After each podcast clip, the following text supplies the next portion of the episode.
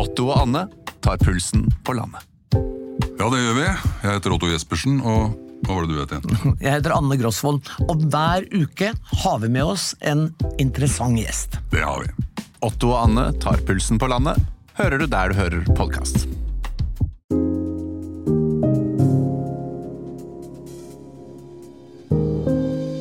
Fredrik og Kadafi, en podkast fra TV 2. Kadafi, vi har fått inn en del klager. PFU? Nei da, ikke denne gangen. Eh, Vi har for like stemmer. Oh. Så jeg vet ikke hva vi skal gjøre med det. Altså, Enten må en av oss gå, eller så Nei, altså, jeg er jo født og oppvokst i Buskerud og har liksom stemmen jeg har. Ja. Du har jo bodd eh, I Oslo, da. Det er jo der jeg er fra. Du har bodd fem år i USA. Det så du tenker jeg kan legge til sånn Det tenker jeg. Det. Hva med om du snakker litt sånn eh, Hva heter det? Kebabnorsk. Ja, ja, jeg Jeg så det på deg. Ja, jeg ville at du skulle si det selv. Ja, Du vet at det ikke er lov å si? Nei, men du sa det, og du har lov å si det. Du vet du, jeg kan ikke gjøre det med meg. Hvis du snakker sånn, så er det mye enklere for eh, Da er det jo ingen som lytter. Jeg, si Nå, bla, nå går vi inn i litt sånn krenkeverden, føler jeg. Gjør vi det? Det er ikke bra. Nei, du, vi, vi, er, vi har ikke like, like stemmer. Nei, ok. Vi får håpe folk hører forskjell på oss. Eh, straks så skal du få møte kollega Morten Asbjørnsen, som har laget film. Du og jeg, Kasper, heter den. Og så skal det handle om den såkalte sannhetsrapporten. Om hvordan samer og urfolk er fratatt rettigheter. Kadafi, hvordan går det med deg? Har du hatt en fin start på dagen? Du, det var veldig fin start. Jeg våkna klokka fem på morgenen. Eh, Unnskyld? Klokka fem på morgenen våkna jeg i dag. Ja. Kom meg inn til Oslo, skulle være gjest hos God morgen Norge. Og snakke om eh, årets pride-markering og terrorfare. Vi så jo hva som skjedde i fjor. Terrorangrep. Eh, og etter eh, at jeg hadde vært med i sending, så tenkte jeg jeg har aldri vært med i Pride-paraden. Det skal jeg gjøre. For første gang i år. Jeg var og så på i fjor den utsatte. Eh, fordi den ble utsatt pga. skytinga i Oslo. Ja. Men du skal delta i år? Jeg skal gå i tog, tenkte jeg. Skal du? Nei, det vet jeg ikke. Nei, du kan jo gå og se på, sånn som jeg gjorde i fjor. Du kan jo bli med meg.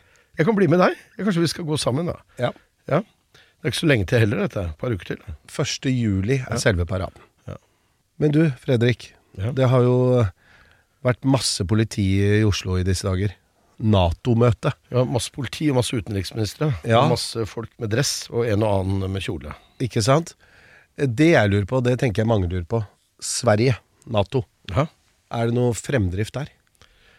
ja, det er fremdrift. Altså, jeg tror veldig mye handler om at uh, Tyrkias president Erdogan bare måtte bli ferdig med valget, vinne det først, og vise muskler og vise at han ikke vil at Sverige skal bli Nato-medlemmer, fordi han mener at Sverige støtter terroristene, altså kurderne. Eh, For det gir, og det gir stemmer. Det stemmer, eh, og det har gitt stemmer til Erdogan antageligvis. Og kanskje han trengte de stemmene. Nå er det valget over, så nå sitter han trygt. Så nå han gjøre, nå har han litt større handlefrihet. Men eh, nå driver han og presser amerikanerne. Han vil ha noen jagerfly, han vil ha noen avtaler om kjøp av krigsmateriell. Så nå driver han og presser amerikanerne litt, og amerikanerne forhandler med tyrkerne. Driver en sånn tyrkisk basar, tror jeg, hvor, eh, hvor målet er å få krigsmateriell for uh, tyrkerne, og for amerikanerne å få Tyrkia til å gå med på at uh, Sverige går inn i Nato. Og det må egentlig skje før det der toppmøtet i Vilnius i midten av juli. Så da bør man ha kommet fram til en enighet fra amerikansk side med tyrkerne.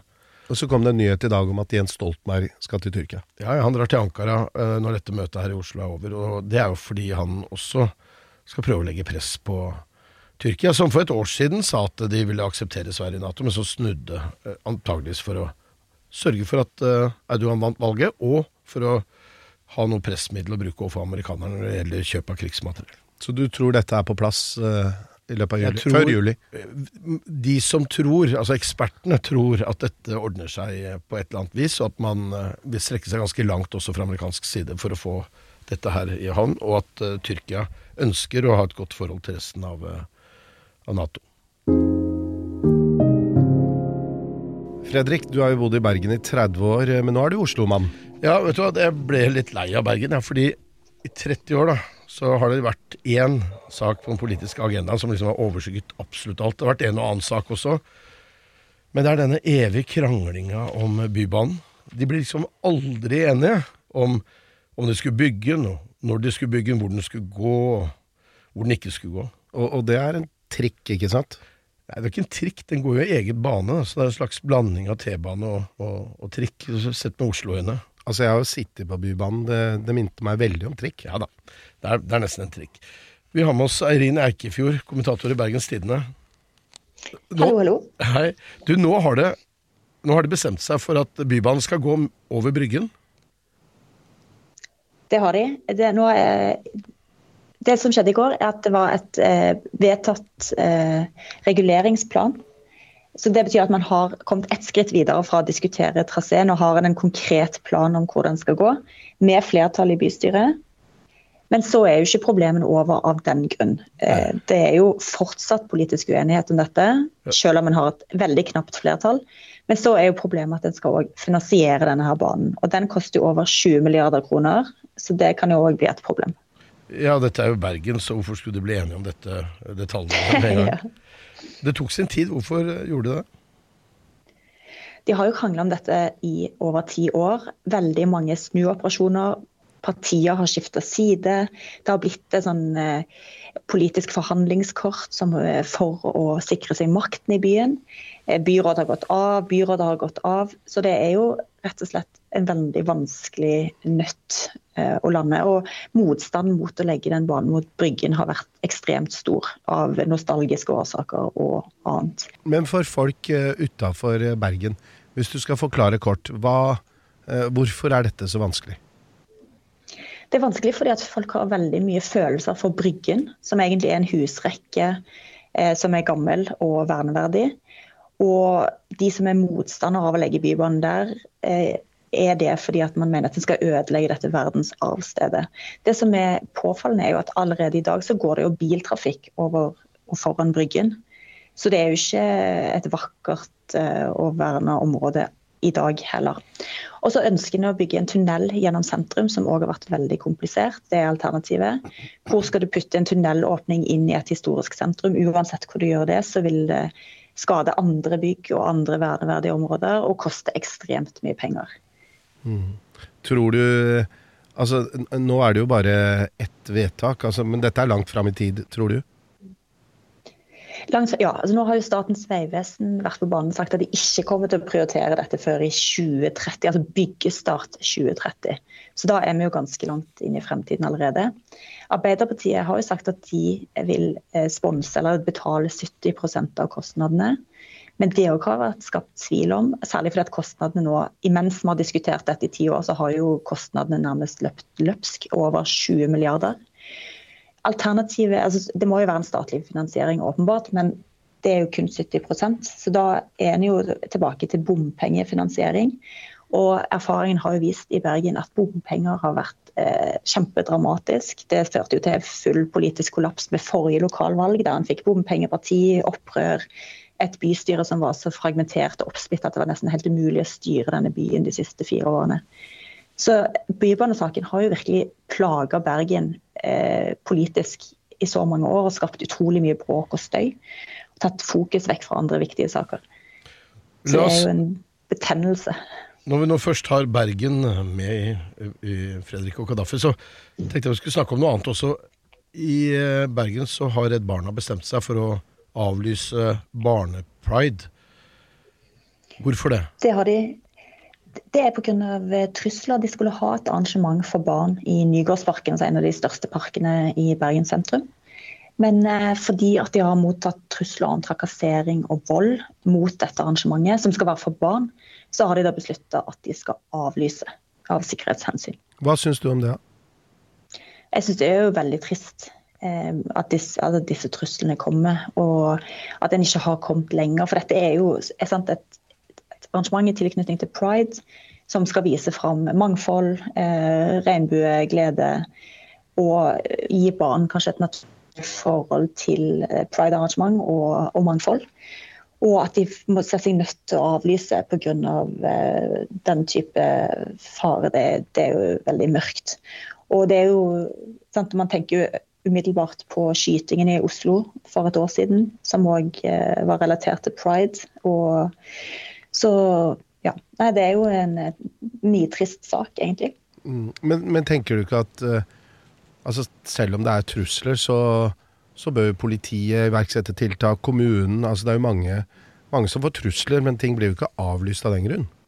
Ja, absolutt. Det er jo klart. Men, men dette er jo privat, en privat arrangør som Jeg har jo forståelse for at de må tenke på altså, det at det kommer barn, det at det er såpass usikkerhet rundt dette. Eh, det at de kanskje ikke ønsker å ta oppgaven som arrangør eh, med den type trusselbilde. Så man kan jo gjerne være prinsipiell og si at du må gjennomføre uansett, men, men en kan jo forstå at en liten arrangør som, som blir utsatt for dette, ikke ønsker å stå i dette eh, når det skjer. Erin Eikfjord fra Bergen, tusen takk. Takk for meg. Kollega Morten Asbjørnsen, velkommen til eh, Fredrik og Kadafi. Tusen hjertelig. Du hadde i helgen så hadde du en premiere på en eh, dokumentarfilm som heter Du og jeg, Kasper, som handler om det å være overvektig. Eh, og ditt ønske om å spille en tenniskamp med Kasper Ruud. Vi skal komme tilbake til den kampen. Ja. Men fortell oss Altså, vi følger jo deg gjennom en, en, en slags reise som er, går gjennom et år. Mm. Uh, men vi følger deg også tilbake i livet, og, og det er intervju med foreldrene dine. Fortell oss hva som skjedde da du gikk på vekta i begynnelsen av dette programmet. Nei, når jeg først skal gå på vekta, så er jo det noe jeg ikke har gjort på en åtte-ti år før det. Så det å, å, få den liksom Nå skal du oppå. Det er jo noe jeg har frykta egentlig hele livet. Eh, aldri vært glad i å gå på den vekta. Eh, så visste jeg det kom til å bli stygt, men jeg visste ikke hvor stygt det kom til å bli. Så når jeg går opp, så, så ser jeg jo ikke ned mens jeg står der oppe. Jeg ser bare, Det, det er et speil foran meg som jeg, jeg ser meg sjøl i. Og det er vondt nok i seg sjøl å se speilbildet av, eh, av deg sjøl oppå den vekta. Uh, så går jeg tilbake igjen, tror at tallet har gått vekk, og så ser jeg ned, og så er det liksom akkurat et halvt sekund hvor jeg får se tallet, og det viser 174,6. Og det er kanskje sånn av enkeltepisoder i livet mitt den, den tyngste, det tyngste jeg har vært borti. Det er akkurat som lufta blir slått ut av deg, og du enser ikke hva som er rundt deg. og du forsvinner veldig inn i deg sjøl. Så det, det, var en helt sånn spesiell opplevelse som, eh, som jeg håper jeg aldri opplever igjen. Tyngste bokstavelig talt. Ja, virkelig. Um, når du sier at du ikke har veid deg på flere år, så er det jo fordi du vet at det tallet kommer til å være ubehagelig. Absolutt. Akkurat det kan jeg relatere meg til også. Det er, det, du, du, har egentlig ikke lyst til å vite hvor, hvordan det har gått siden sist. Du vil jo på en måte at det skal gå riktig vei. Ja, det er ikke noe gøy å se det. det. altså, det er jo liksom for, for, min del så er det jo dette med overvekt har jo vært det ene jeg ikke har snakket om. Alt annet har jeg vært åpen om. Alt annet har jeg delt om. Jeg har aldri hatt noen problemer med å snakke, med å dele, med å, uh, med å grave i andres følelser. Jeg har aldri hatt noe problem med det emosjonelle. Men akkurat det med min egen overvekt har vært et stort problem. Og når du da skal på en måte få det Altså det ene du på en måte har, har gravd ned, det er liksom det ene du ikke har tatt ut av den safen, når det skal eksponeres, både for deg sjøl, men òg med kamerateam på slep, så, så er det en, en sånn ja, Det er vanskelig å sette ord på, men det er bare en sånn eksplosjon av mye greier. Har det vært noe skam knytta til det? Enormt. Enormt mye skam. Jeg har jo Altså, overvekten har jo ført til at jeg ikke har Eh, gjort ting. sant? Det har vært en brems i livet mitt. Eh, jeg har ikke sagt ja til bading med, med gutta hjemme i Haugesund om somrene. Jeg eh, har droppa å ønske meg klær til jul, for jeg vet at det vil bli for smått. Få drakter som, som fotballspiller, du vet at det blir for lite. Dusjing etter gymtimer, etter fotballtreninger. Gymøkter på skolen. sant? Løpe en fem kilometer du, du, vet, du, vet, jo at når du jogger, så er det liksom mye på kroppen din som liksom dirrer, og du liksom Sant? Det, det, estetiske ser ikke bra ut, og du er ikke i god fysisk form, så jeg har eh, funnet på enormt mange rare unnskyldninger. Og nei, i dag er jeg sjuk, og i dag har jeg vondt i kneet, og Jeg har gjort mye for å slippe ting, og så er jo kanskje det tyngste da dette med eh, Ja, du er 18, du er, du er ung, du begynner å feste, og det åpner seg kanskje muligheter for litt sånn romantiske relasjoner og sånn. Eh, og det har ikke jeg turt. Eh, jeg har ikke meint at liksom fasongen, silhuetten, figuren Morten Asbjørnsen har fortjent eh, det. Så, så jeg har hatt veldig vanskelig med å føle meg god nok blant det motsatte kjønn. Eh, om det så er one night stands eller er at det er et romantisk forhold. Eh, Jeg har aldri hatt en kjæreste, eh, og det har jeg jo hatt lyst til. Men jeg har ment at jeg ikke har fortjent det. Fordi overvekten har stått i veien for et sexliv. Ja, egentlig. Eh, og så er det ikke sånn at det har stått i, i, i veien sånn 100% Jeg har jo, eh, jeg har jo prøvd eh, både én og to og tre ganger og dette, men, men det har alltid vært sånn hvis jeg har gjort det, så skulle jeg ha følt meg veldig trygg, da. Hvis det er noen som jeg ikke er 100% trygg på, kommer til å våkne dagen etterpå og tenke faen. Var jeg med han der feitingen der, eller hvordan kan jeg ha ligget med en så stor Så du trenger bedre selvtillit. Enormt. Ja. Og så har du valgt å gjøre dette med kamera på slep, og da er det kanskje lettere å motivere seg, for du veit jo at det er folk som følger, følger med på deg nå. Ja, det er jo en Du er litt motivasjons- tvunget, du har satt deg i en Ja. eh, situasjon du ikke kan komme deg ut av. Helt klart. Jeg har jo lagt et sånt eksternt press på meg sjøl, og det liker jeg. Det, det er jeg egentlig fornøyd med, og, og det er bra. Det er bra for meg at jeg har det på meg. Uh, samtidig så er det for meg så er det, det er for meg jeg gjør det, da. Det, det er for at jeg skal få det bedre, og jeg, jeg gjør det ikke uh, litt sånn egoistisk sikkert, men jeg gjør det jo ikke for andre, dette. Uh, og da tror jeg det hadde vært, jeg tror det hadde vært feil hvis jeg hadde gjort det for andre. Vi ser i filmen at uh, faren din spesielt blir veldig beveget når han snakker om dette. Han snakker om uh, Begge foreldrene dine blir intervjuet, da, og de snakker om at du spilte fotball når du var ung, eh, men at det etter hvert tok slutt. Eh, og faren din, igjen, svært beveget når han snakker om det. Hvordan, hvordan har det vært å gjennomføre disse intervjuene med foreldrene dine? Uh, nei, når vi var hjemme i Haugesund, så, mm, så fikk jo ikke jeg lov å være til stede under disse intervjuene. Jeg ble, eh, jeg ble sendt ned i kjellerstua hjemme i Haugesund mens, mens produksjonen gjennomførte intervjuene oppe. Men de kom jo ned én etter én, altså mor, far, søster. Um, Uh, Kjellerstua ble venterommet, og så var det én opp og én ned. Og jeg merka jo at det var litt sånn prega og litt sånn eh, nervøs stemning. Uh, det var tungt for deg å snakke om det, og de har grudd seg kanskje mer enn meg til at dette skulle komme på. Og så er det spesielt for meg å, å se de bildene for første gang. Eh, for dette visste jeg, jeg visste ikke hva som ble sagt før jeg fikk en sånn gjennomseing før publisering, og det var ganske spesielt og, og egentlig litt fint, selvfølgelig, å, å se på det. Du fikk med deg Kasper Ruud på dette her også. Han er også intervjuet underveis. Eh, Hvordan har den reisen vært?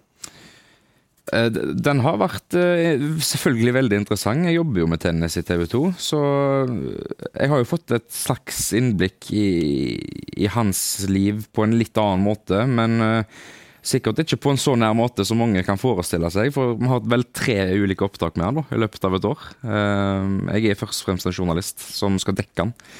Men eh, vi har hatt tre, tre muligheter med han, eh, hvor vi har trent i Basel, vi har hatt noen prater, og så har vi den kampen. Ja, for det er en kamp mot slutten av filmen. Vi skal ikke røpe hvordan det går. det er en kamp, eh, og det, det er vel Men, ikke men noe vi, sjokk. vi kan jo si det er, et, det er en stund du har en slags ledelse her. Ikke si noe mer. Har du ikke det? Nei Men kan vi fall si at det, sjokk er hvis jeg vinner. Det tror jeg vi kan si. Ja, ja. Men, men, men hvordan, hvordan har, det, har han vært en som har drevet deg eh, i- videre i dette? Altså, har han vært en pådrivningskraft? I form av at jeg har en kamp mot han, så ja. Fordi jeg har jobba veldig spesifikt mot eh, Mot en dato. Mot eh, en slags finale for meg, da. Eh, den kampen der markerte jo så mye mer enn en, enn en vanlig kamp mot Kasper Ruud for min del. Den markerte jo en, en slags sånn Et punktum på et, ja, det viktigste året i mitt liv. Familie, venner, eh, kollegaer. eh, 36 kilo ned. Det var en sånn pakke eh, som var helt ut av en annen verden. 36 kilo. Ja, 36 kilo ned. Takk, takk, takk. Og så, du, du har tennisracketen med deg nå, Ja, så det er ute å trene, og tennis er greia, liksom. stemmer. Ja. Ja, jeg trener. Jeg jeg prøver å trene fem ganger i uka eh, den dag i dag. Eh, Så er det ikke alltid det går, eh, men, eh, men det er ambisjonen. Og da, da prøver jeg meg selvfølgelig på en litt overvekt tennis eller padel, for det er litt gøyere enn å gå på styrketrening. Men prøve fem, og så, og så er det supert og om det blir tre, på en måte. Men Morten, dette her står det respekt av. Det er stor endring i livsstilen. Og du spiser sunnere òg, kanskje? Ja, absolutt. Det, det er ganske stor forskjell på, på kostholdet mitt fra ja, for halvannet år siden og nå. Det er, det er litt sånn der ekkelt å tenke tilbake på. Et godt bilde på det var julaften i fjor og julaften året før. Hvor den forrige julaften nå, så tenker jeg at liksom, nå, nå skal jeg kose meg, nå skal jeg ikke tenke på noe. Spise til jeg blir sånn stappmett. Nesten sånn svettemett. Uh, og så tenker jeg fader, nå har jeg drept meg ut. Men så tenker jeg, hva spiste jeg julaften før det? Uten å på en måte bli så sprengmett av dobbelt så mye. Så det har jo endra seg helt enormt. Filmen Du og jeg, Kasper, den ligger på TV2 Play. Takk for at du kom til oss. Tusen takk sjøl. Straks får du møte leder for Sametingets ungdomspolitiske utvalg, Elle Nækkeljärvi. I dag er det torsdag, og i dag så fikk Stortinget overlevert eh, det som er omtalt som Sannhetsrapporten. Altså det er en sannhets- og forsoningskommisjon som da er ledet av eh, tidligere KrF-leder Dagfinn Høybråten, som har gått gjennom måten det norske samfunnet har behandlet eh, minoriteter på eh, opp gjennom årene. Og det er jo da snakk om samer, kvener og skogfinner. Ehm, det man har vært opptatt av, er denne fornorskningsprosessen som har, vært, eh, som har pågått. Hvordan eh, man ikke har tatt hensyn til eh, hvordan samer ønsker å beholde sin identitet. Man har hatt eh, norsk skoleplan å forholde seg til. Vi har fått besøk her av leder for Sametingets ungdomspolitiske utvalg, Elle Nækkeljärvi. Velkommen. Tusen takk. Du kommer rett inn, flydd inn fra Kautokeino. Ja. Jeg kom rett hit med Voien. Oi, kofte. Ja, det må til. Ja, Så fin den er. Takk. Kan ikke du beskrive? Hva, hva, hva slags kofte er dette? Eh, det her er en sånn lettkofte fra Kautokeino. Eh, det at den er lett, lett betyr at den har eh, lettere stoff, altså ikke ull, og at eh, selve den nedre kanten her ikke er så tung heller. Eh, litt sånn sommerlig. Og så forteller jo den at jeg er fra Kautokeino, og fra ja, de områdene der. Så er det jo ulike kofter til ulike områder, sånn som med bunader også. Hvorfor er du i Oslo nå? Nå er jeg i Oslo. Bortsett fra at du skulle hit, altså. Jeg kommer bare for dere. Ja. Nei, jeg er her fordi at eh, i dag skal jo denne rapporten leveres, så det er jo en del som skjer eh, med det. Men i tillegg så er det på lørdag 600 dager med menneskerettighetsbrudd på Fosen. Um, så det er de her vindturbinene som står oppe der, og em, de her, eh, de som er, har rein i Fosen, eh, har gått i rettssak og vunnet i Høyesterett, hvor Storkammer med, med altså har enstemmig vedtatt at, eh, eller sagt at vindturbinene bryter med, med menneskerettigheter. Så vi skal egentlig markere det og vise at vi eh, em, syns det går for treigt, og at det her menneskerettighetsbruddet må opphøre med en gang. Var du med i forrige runde når disse protestene De fikk jo veldig mye oppmerksomhet. Mm, den fikk det. Jeg var en av dem som var inne på OED. Å ja. Og, eh, ja. Olje- og energidepartementet. Ja, så vi eh, sov jo i lobbyen der til eh, bl.a. blant annet OED, da. Hvordan var det, da? Det var merkelig. Det var utrolig surrealistisk, egentlig. Eh, og så tror jeg ikke vi helt forsto det før vi kom ut, i hvert fall ikke jeg gjorde det. Før vi var ute der og, og skjønte liksom at eh, vi hadde bodd i en boble i fire dager, og plutselig så var det som en storm som bare på en måte tok oss når vi kom ut. Så det var På godt eller på vondt? Eh, egentlig på godt. Eh, vi fikk jo veldig mye støtte, og det var Hele målet vårt var jo på en måte å eh, belyse saken. Men sant, vi hadde jo tenkt at ok, vi går inn der en torsdag, og så blir vi arrestert, og så er vi, er vi ferdig med det, så kan vi spise middag og ta en pils etterpå. Men eh, sånn ble det ikke, og det er bra. Men var dette en demonstrasjon mot eh, eh, Eller for landrettigheter, eller var det mot eh, inngrep i naturen? Deler? det er jo en kombinasjon, da. Em, vi vil jo gjerne at, eh, at staten skal respektere våre eh, rettigheter og retten vår til land og vann. Og så er det jo sånn at eh, eh, beiteområdene eh, de blir jo på en måte mer og mer innskrenka med alle typer små inngrep. Eh, vindmøller, hyttefelt og alt, alt som måtte være. Så det var egentlig Ja, for at, for at Høyesterett For at høyesterettsdommen skulle respekteres. I dag kommer jo denne Sannhets- og forsoningskommisjonen med sin eh, rapport. Hva tenker du om det? Oi, godt spørsmål. Um, jeg satt og tenkte på det i flyet i sted, at det er nesten som at det er nesten samme følelse som når jeg har eksamen. Og så er jeg litt sånn, jeg vil gjerne tenke pessimistisk på resultatet, sånn at jeg ikke kan bli skuffa. Um, og litt samme følelse er det nå også. At em, jeg tror at jeg og veldig mange har høye forhåpninger og forventninger. Men eh, i hvert fall så syns jeg da at så lenge eh, Fosen-saken pågår f.eks., og så lenge Norge bryter med menneskerettigheter, så er det veldig vanskelig for min del å tenke på forsoning. Så det er jo eh, et aspekt. Mm. Men din generasjon, altså hvor gammel er du? Jeg er 22 år. Hvordan har det vært å vokse opp som same? Em, det å vokse opp som same, det er nok egentlig den fineste gaven jeg har fått. Um, veldig, veldig um, Det er liksom den jeg er, og jeg kjenner jo på en måte ikke noe annet. Jeg kunne ikke tenkt meg å vært på en måte ikke-samisk, da. Um, Som Fredrik, for eksempel? ja, nettopp. Uh, men så er det jo veldig ulikt, uh, og man har jo utfordringer, selvfølgelig. Uh, og så er det jo veldig ulikt fra sted til sted også. Og, Men, men fortell, altså sånn Gjennom historien, eh, denne rapporten vil jo snakke om assimilering, fornorsking, eh, samiske barn som er blitt fratatt fra sine foreldre. Eh, ganske sånn svart kapittel, men også motstandskraft. Hvordan samer, kvener, andre sto opp da mot denne herre eh, fornorskingen. Men din generasjon, dere har hatt det greit, eller? Um, alt er jo litt sånn relativt, tenker jeg. Eh, personlig så, så Som jeg sa, så er jo alle samfunn har jo sine utfordringer.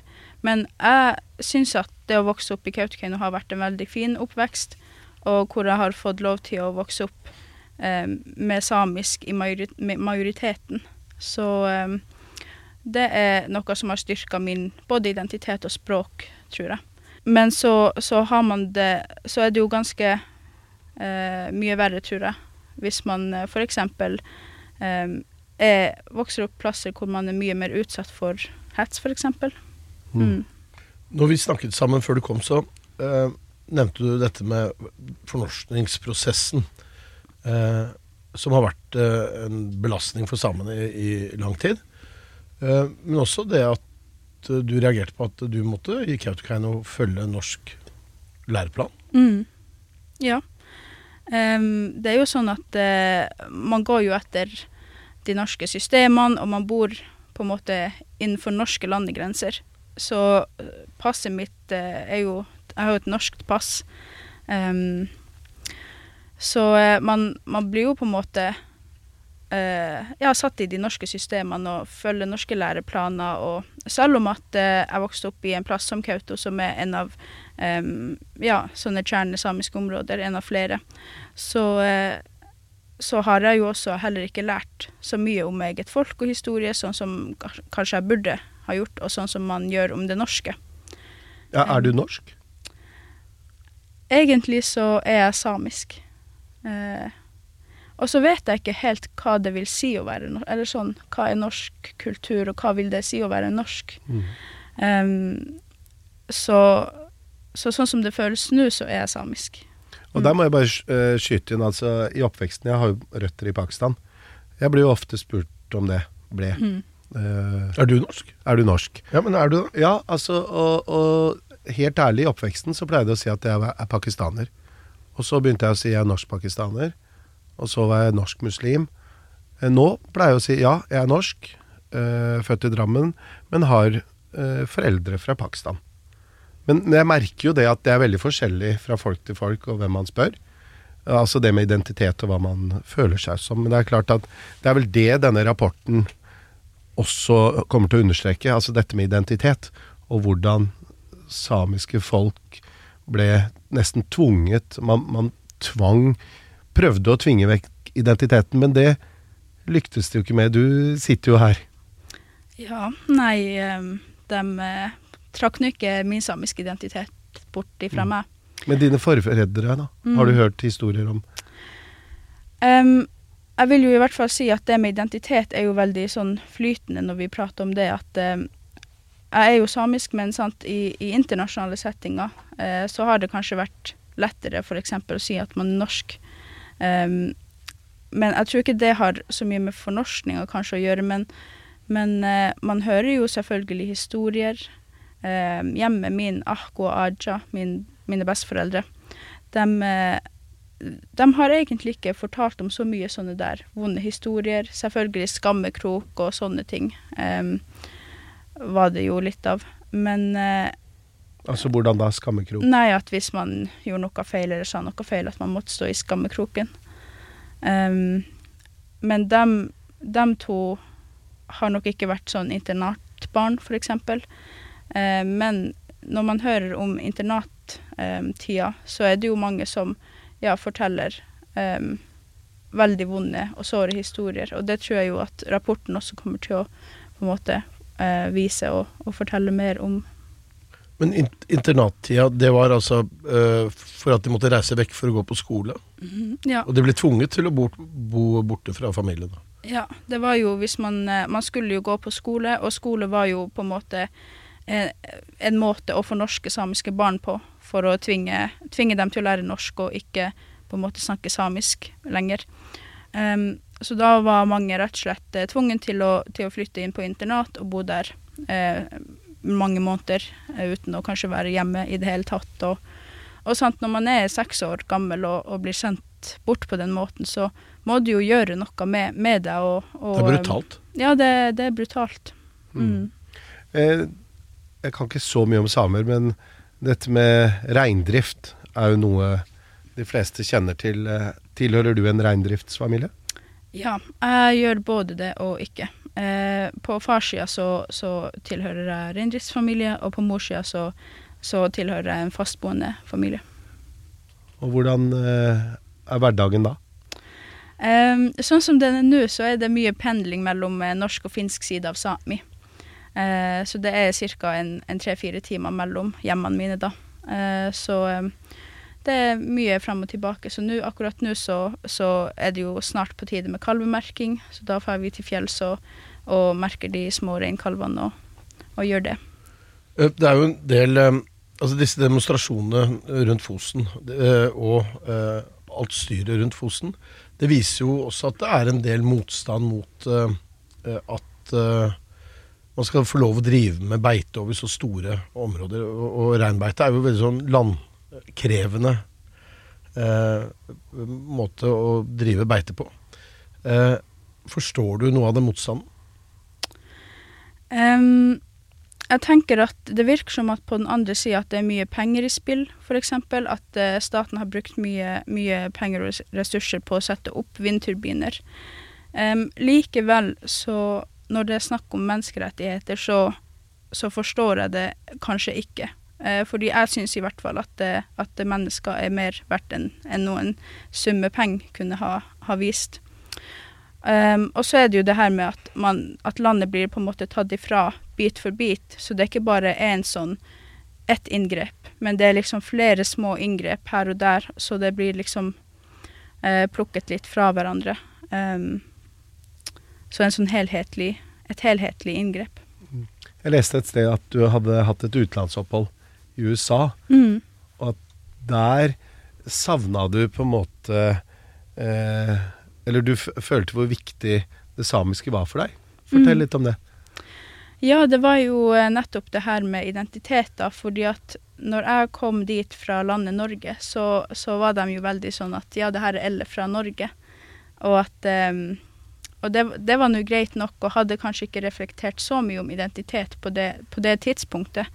Um, så jeg gikk jo på en måte med på det. Men så, så savner jeg veldig at, at det samiske ble anerkjent, og at um, eh, forsto også at det var svært lite kunnskap, eh, i hvert fall om samer, urfolk som de aldri hadde hørt om eh, i, Mon i, Montana, hvor jeg var da. Eh, og så merka jeg jo at det var også mye fordommer mot, mot eh, urfolk i Nord-Amerika, og dermed så, så knytta jeg på en måte litt tilkoblinga til eh, samer også. Ja, De har jo litt, uh, ikke litt, men det er en veldig mørk historie der. Det er det. Um, og jeg vil jo egentlig påstå at uh, denne assimileringa, denne fornorskninga i Norge, at uh, ja, det var en aktiv politikk som kanskje ikke drives like aktivt lenger, men jeg tror egentlig at uh, fornorskninga fortsatt pågår.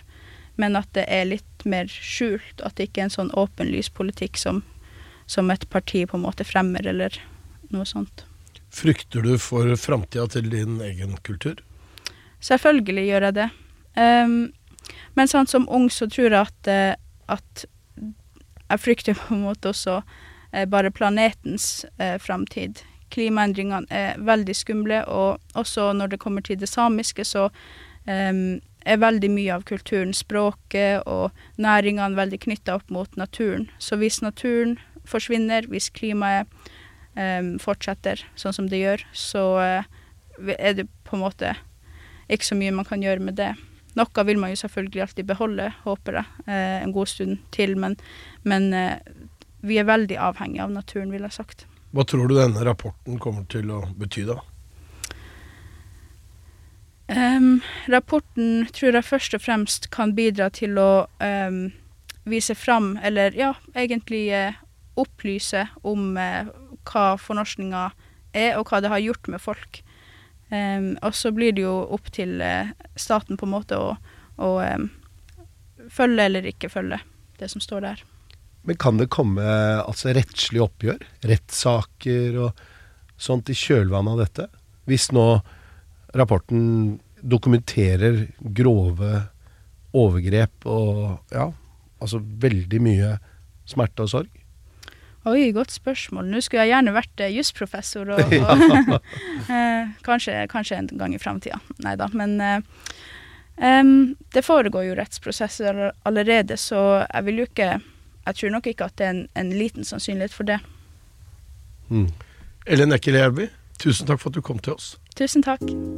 Takk også til Eirin Eikefjord og Morten Asbjørnsen. Her i studio Kadafi Saman og Fredrik Resvik, teknisk ansvarlig Mikael Skorbakk, produsent Maja Gjertum, redaktør Karianne Solbrekke. Vi høres om en uke.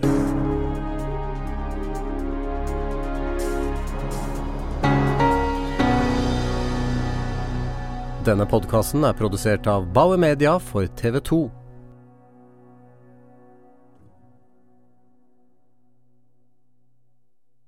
Har du et enkeltpersonforetak eller en liten bedrift? Da er du sikkert lei av å høre meg snakke om hvor enkelt det er med kvitteringer og bilag i fiken, så vi eh, gir oss her, vi.